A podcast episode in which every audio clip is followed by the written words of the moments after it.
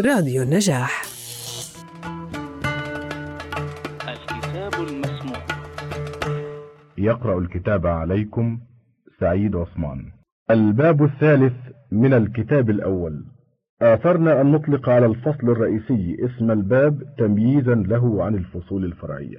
الباب الثالث من الكتاب الأول في الدول العامة والملك والخلافة والمراتب السلطانية وما يعرض في ذلك كله من الأحوال وفيه قواعد ومتممات. الفصل الأول في أن الملك والدولة العامة إنما يحصلان بالقبيل والعصبية. وذلك أن قررنا في الفصل الأول أن المغالبة والممانعة إنما تكون بالعصبية لما فيها من النعرة والتذامر واستماتة كل واحد منهم دون صاحبه. ثم إن الملك منصب شريف ملذوذ يشتمل على جميع الخيرات الدنيوية والشهوات البدنية والملاذ النفسانية فيقع فيه التنافس غالبا وقل أن يسلمه أحد لصاحبه إلا إذا غلب عليه فتقع المنازعة وتفضي إلى الحرب والقتال. والمغالبة وشيء منها لا يقع إلا بالعصبية كما ذكرناه آنفا. وهذا الأمر بعيد عن أفهام الجمهور بالجملة.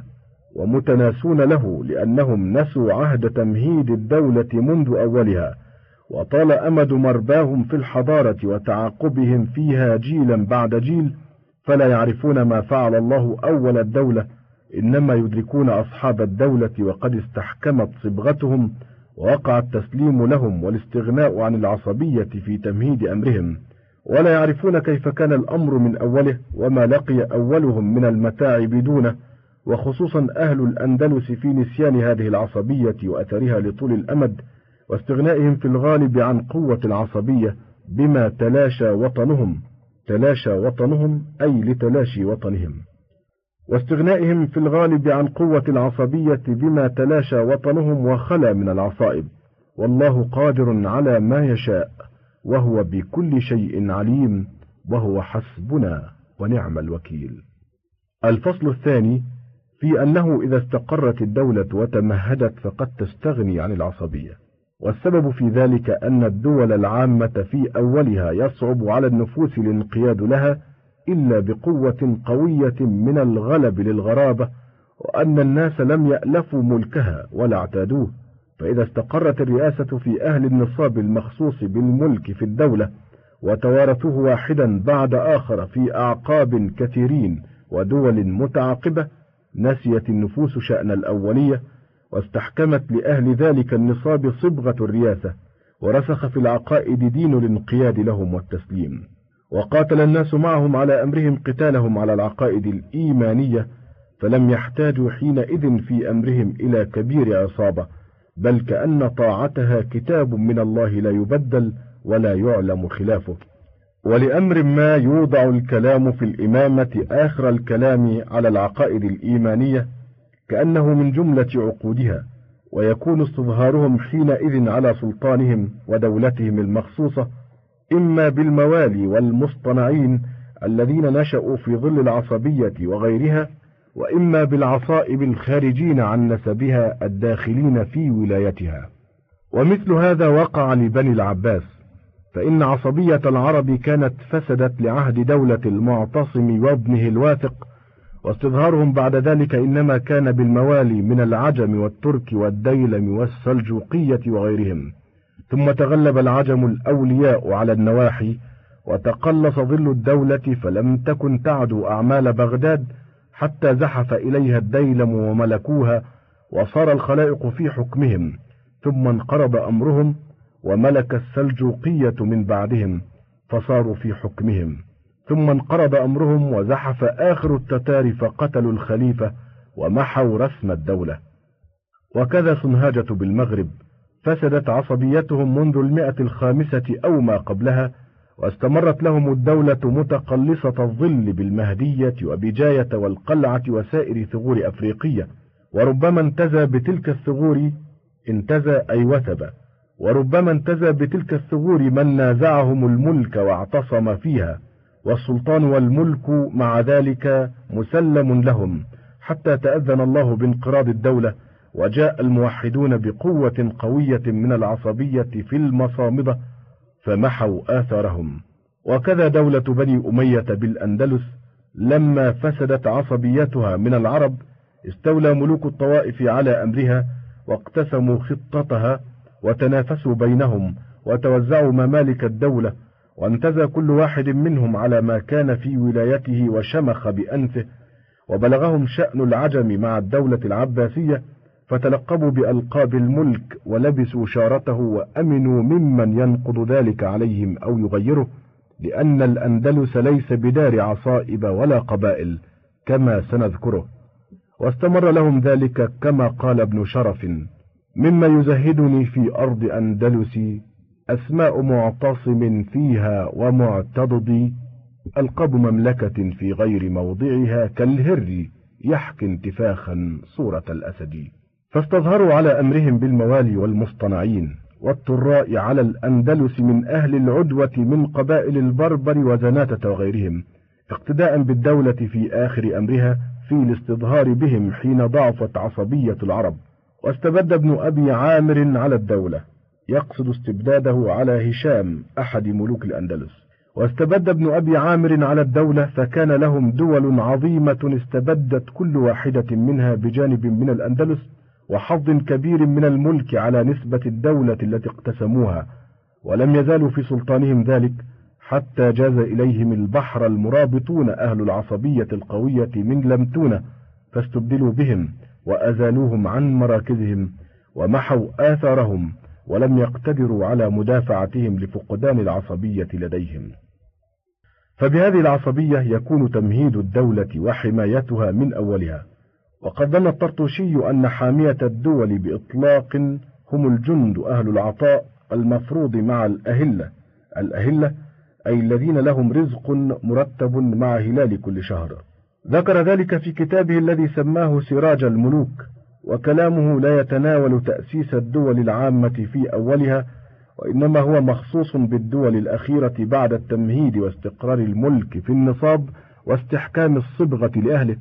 فالرجل إنما أدرك الدولة عند هرمها وخلق جدتها ورجوعها إلى الاستظهار بالموالي والصنائع ثم إلى المستخدمين من ورائهم بالأجر على المدافعة فإنه إنما أدرك دول الطوائف وذلك عند اختلال بني أمية وانقراض عصبيتها من العرب واستبداد كل أمير بقطره. وكان في إيالة المستعين بن هود وابنه المظفر أهل سرقسطة ولم يكن بقي لهم من أمر العصبية شيء لاستيلاء الطرف على العرب منذ ثلاثمائة من السنين وهلاكهم ولم يرى إلا سلطانا مستبدا بالملك عن عشائره. وقد استحكمت له صبغة الاستبداد منذ عهد الدولة وبقية العصبية فهو لذلك لا ينازع فيه ويستعين على أمره بالأجراء من المرتزقة.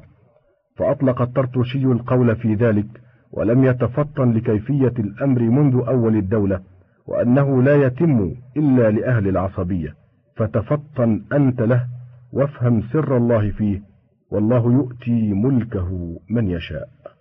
الفصل الثالث في أنه قد يحدث لبعض أهل النصاب الملكي دولة تستغني عن العصبية وذلك أنه إذا كان لعصبية غلب كثير على الأمم والأجيال وفي نفوس القائمين بأمره من أهل القاصية إذعان لهم وانقياد. فإذا نزع إليهم هذا الخارج وانتبذ عن مقر ملكه ومنبت عزه اشتملوا عليه وقاموا بأمره وظاهروه على شأنه وعنوا بتمهيد دولته يرجون استقراره في نصابه وتناوله الأمر من يد أعياصه من يد أعياصه أي من أصوله.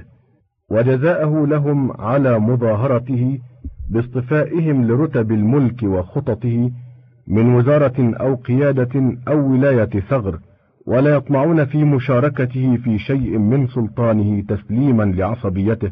وانقيادا لما استحكم له ولقومه من صبغة الغلب في العالم وعقيدة إيمانية استقرت في الإذعان لهم فلو رموها معه أو دونه لزلزلت الأرض زلزالها. وهذا كما وقع للأدارسة بالمغرب الأقصى والعبيديين بأفريقية ومصر لما انتبذ الطالبيون من المشرق إلى القاصية. وابتعدوا عن مقر الخلافة وسموا إلى طلبها من أيدي بني العباس بعد أن استحكمت الصبغة لبني عبد مناف لبني أمية أولا ثم لبني هاشم من بعدهم فخرجوا بالقاصية من المغرب ودعوا لأنفسهم وقام بأمرهم البرابرة مرة بعد أخرى فأربة ومغيلة للأدارسة وكتامة وصنهاجة وهوارة للعبيديين. فشيدوا دولتهم ومهدوا بعصائبهم أمرهم واقتطعوا من ممالك العباسيين المغرب كله ثم أفريقية. ولم يزل ظل الدولة يتقلص وظل العبيديين يمتد إلى أن ملكوا مصر والشام والحجاز وقاسموهم في الممالك الإسلامية شق الأبلمة. شق الأبلمة يعني مناصفة والأبلمة مثلثة الهمزة.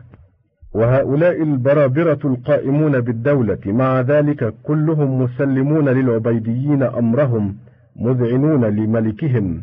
وإنما كانوا يتنافسون في الرتبة عندهم خاصة تسليما لما حصل من صبغة الملك لبني هاشم. ولما استحكم من الغلب لقريش ومضر على سائر الأمم فلم يزل الملك في أعقابهم إلى أن انقرضت دولة العرب بأسرها والله يحكم لا معقب لحكمه. الآية رقم واحد وأربعين من سورة الرعد. الفصل الرابع في أن الدول العامة الاستيلاء العظيمة الملك أصلها الدين إما من نبوة أو دعوة حق. وذلك لأن الملك إنما يحصل بالتغلب والتغلب إنما يكون بالعصبية واتفاق الأهواء على المطالبة وجمع القلوب وتأليفها إنما يكون بمعونة من الله في إقامة دينه. قال تعالى لو أنفقت ما في الأرض جميعا ما ألفت بين قلوبهم. الآية رقم ثلاثة وستين من سورة الأنفال. وسره أن القلوب إذا تداعت إلى أهواء الباطل والميل إلى الدنيا حصل التنافس وفشل الخلاف. وإذا انصرفت إلى الحق ورفضت الدنيا والباطل وأقبلت على الله اتحدت وجهتها فذهب التنافس وقل الخلاف وحسن التعاون والتعاضد واتسع نطاق الكلمة لذلك فعظمت الدولة كما نبين لك بعد إن شاء الله سبحانه وتعالى وبه التوفيق لا رب سواه. الفصل الخامس في أن الدعوة الدينية تزيد الدولة في أصلها قوة على قوة العصبية التي كانت لها من عددها. والسبب في ذلك كما قدمناه أن الصبغة الدينية تذهب بالتنافس والتحاسد الذي في أهل العصبية وتفرد الوجهة إلى الحق. فإذا حصل لهم الاستبصار في أمرهم لم يقف لهم شيء لأن الوجهة واحدة والمطلوب متساو عندهم وهم مستميتون عليه. وأهل الدولة التي هم طالبوها وإن كانوا أضعافهم فأغراضهم متباينة بالباطل وتخاذلهم لتقية الموت حاصل فلا يقاومونهم وإن كانوا أكثر منهم بل يغلبون عليهم ويعاجلهم الفناء بما فيهم من الترف والذل كما قدمناه. وهذا كما وقع للعرب صدر الإسلام في الفتوحات. فكانت جيوش المسلمين بالقادسية واليرموك بضعة وثلاثين ألفا في كل معسكر وجموع فارس مئة وعشرين ألفا بالقادسية وجموع هرقل على ما قاله الواقدي أربعمائة ألف. فلم يقف للعرب أحد من الجانبين وهزموهم وغلبوهم على ما بأيديهم. واعتبر ذلك أيضا في دولة لمتونة ودولة الموحدين. فقد كان بالمغرب من القبائل كثير ممن يقاومهم في العدد والعصبية أو يشف عليهم. يشف أي يزيد. إلا أن الاجتماع الديني ضاعف قوة عصبيتهم بالاستبصار والاستماتة كما قلناه فلم يقف لهم شيء. واعتبر ذلك إذا حالت صبغة الدين وفسدت.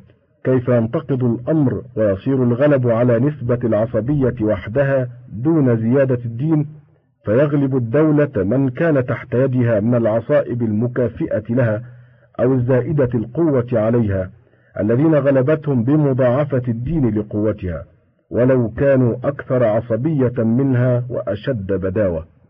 واعتبر هذا في الموحدين مع زناته لما كانت زناتة أبدى من المصامدة وأشد توحشا وكان للمصامدة الدعوة الدينية باتباع المهدي فلبسوا صبغتها وتضاعفت قوة عصبيتهم بها فغلبوا على زناتة أولا واستتبعوهم وإن كانوا من حيث العصبية والبداوة أشد منهم.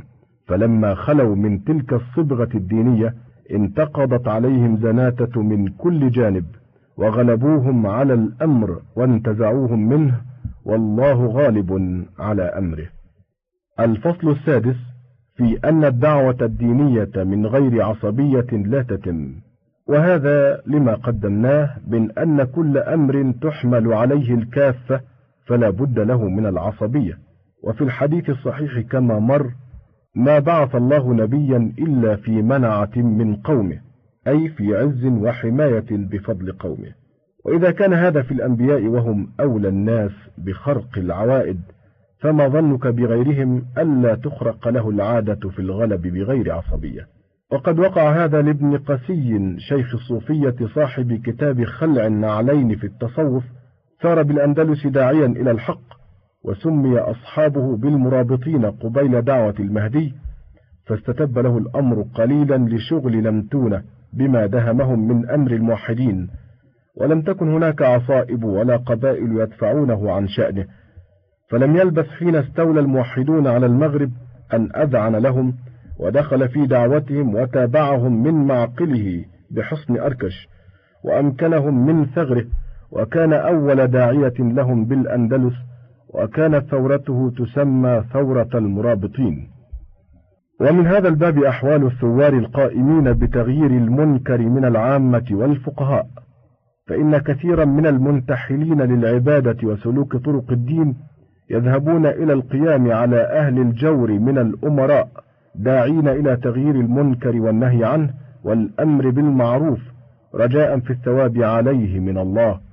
فيكثر أتباعهم والمتشبثون بهم من الغوغاء والدهماء ويعرضون أنفسهم في ذلك للمهالك وأكثرهم يهلكون في هذا السبيل مأزورين غير مأجورين لأن الله سبحانه لم يكتب ذلك عليهم. وإنما أمر به حيث تكون القدرة عليه. قال صلى الله عليه وسلم من رأى منكم منكرا فليغيره بيده فإن لم يستطع فبلسانه فإن لم يستطع فبقلبه. وأحوال الملوك والدول راسخة قوية لا يزحزحها ويهدم بناءها إلا المطالبة القوية التي من ورائها عصبية القبائل والعشائر كما قدمناه. وهكذا كان حال الأنبياء عليهم الصلاة والسلام في دعوتهم إلى الله بالعشائر والعصائب وهم المؤيدون من الله بالكون كله لو شاء. لكنه إنما أجرى الأمور على مستقر العادة. والله حكيم عليم.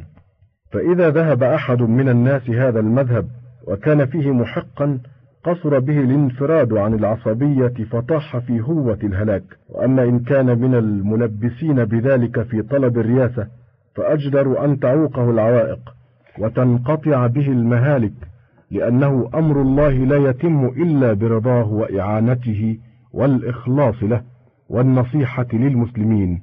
ولا يشك في ذلك مسلم ولا يرتاب فيه ذو بصيرة. وأول ابتداء هذه النزعة في الملة ببغداد حين وقعت فتنة طاهر وقتل الأمين وأبطأ المأمون بخراسان عن مقدم العراق ثم عهد لعلي بن موسى الرضا من آل الحسين فكشف بنو العباس عن وجه النكير عليه وتداعوا للقيام وخلع طاعة المأمون والاستبدال منه وبويع إبراهيم بن المهدي فوقع الهرج ببغداد.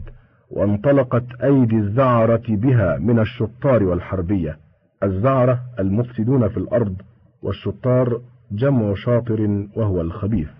وانطلقت أيدي الزعرة بها من الشطار والحربية على أهل العافية والصون وقطعوا السبيل وامتلأت أيديهم من نهاب الناس وباعوها علانية في الأسواق.